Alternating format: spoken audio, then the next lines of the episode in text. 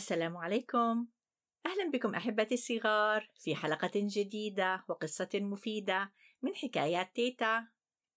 أنا تيتا أمل. القصة اليوم بعنوان حذاء نديم. من تأليف عبير الطاهر ومن رسومات أديب مكي. أشكر صديقتي الصغيرة سلمى لأنها سوف تساعدني في تسجيل هذه الحلقة.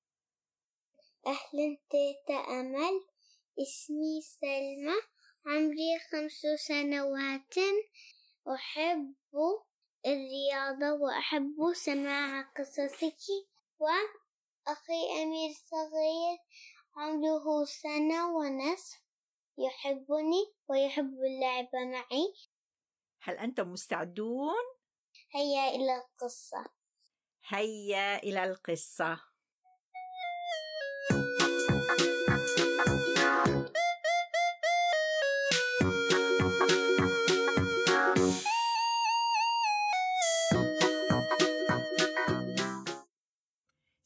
سيذهب نديم مع أمه إلى السوق.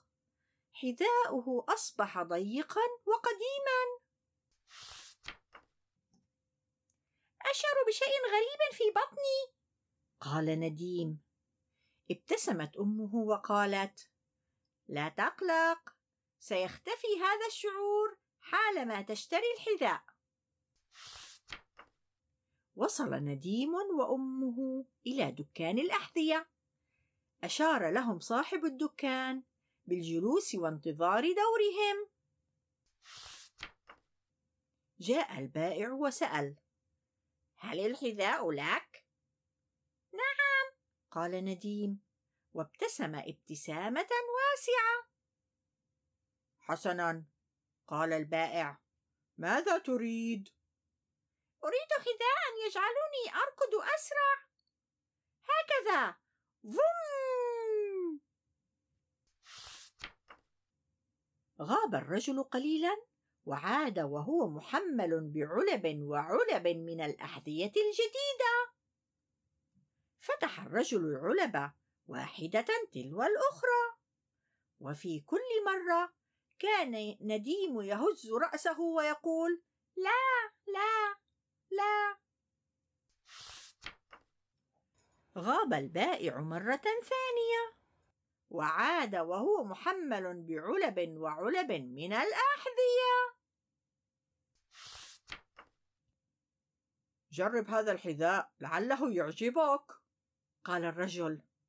هز نديم رأسه وقال لا إنه واسع. حسنا وهذا؟ قال الرجل اخ انه ضيق من الامام قال نديم. هذا آخر حذاء عندي قال الرجل. نظر نديم إلى الحذاء وقال مبتسما. هذا ما أريده بالضبط قالت أمه. هل أنت متأكد؟ ربما تجد غيره قال نديم بإصرار.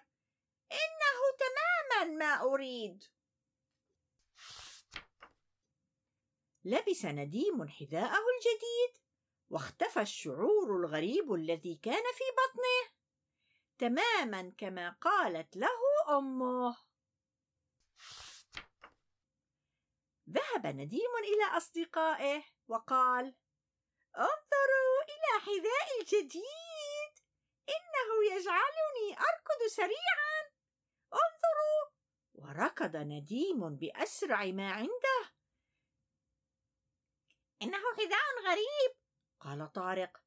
لونه لا يعجبني. قال سيف. من أين اشتريته؟ قالت ياسمين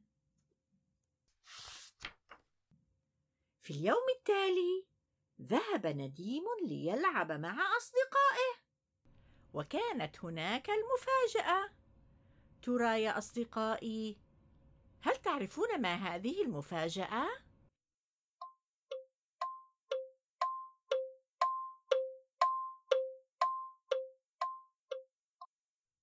هيا لنكمل القصة.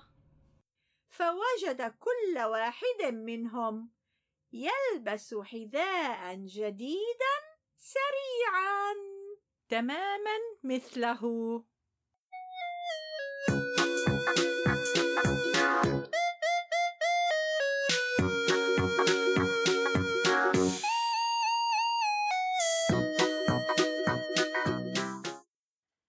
كانت هذه القصة من منشورات دار الياسمين للنشر والتوزيع.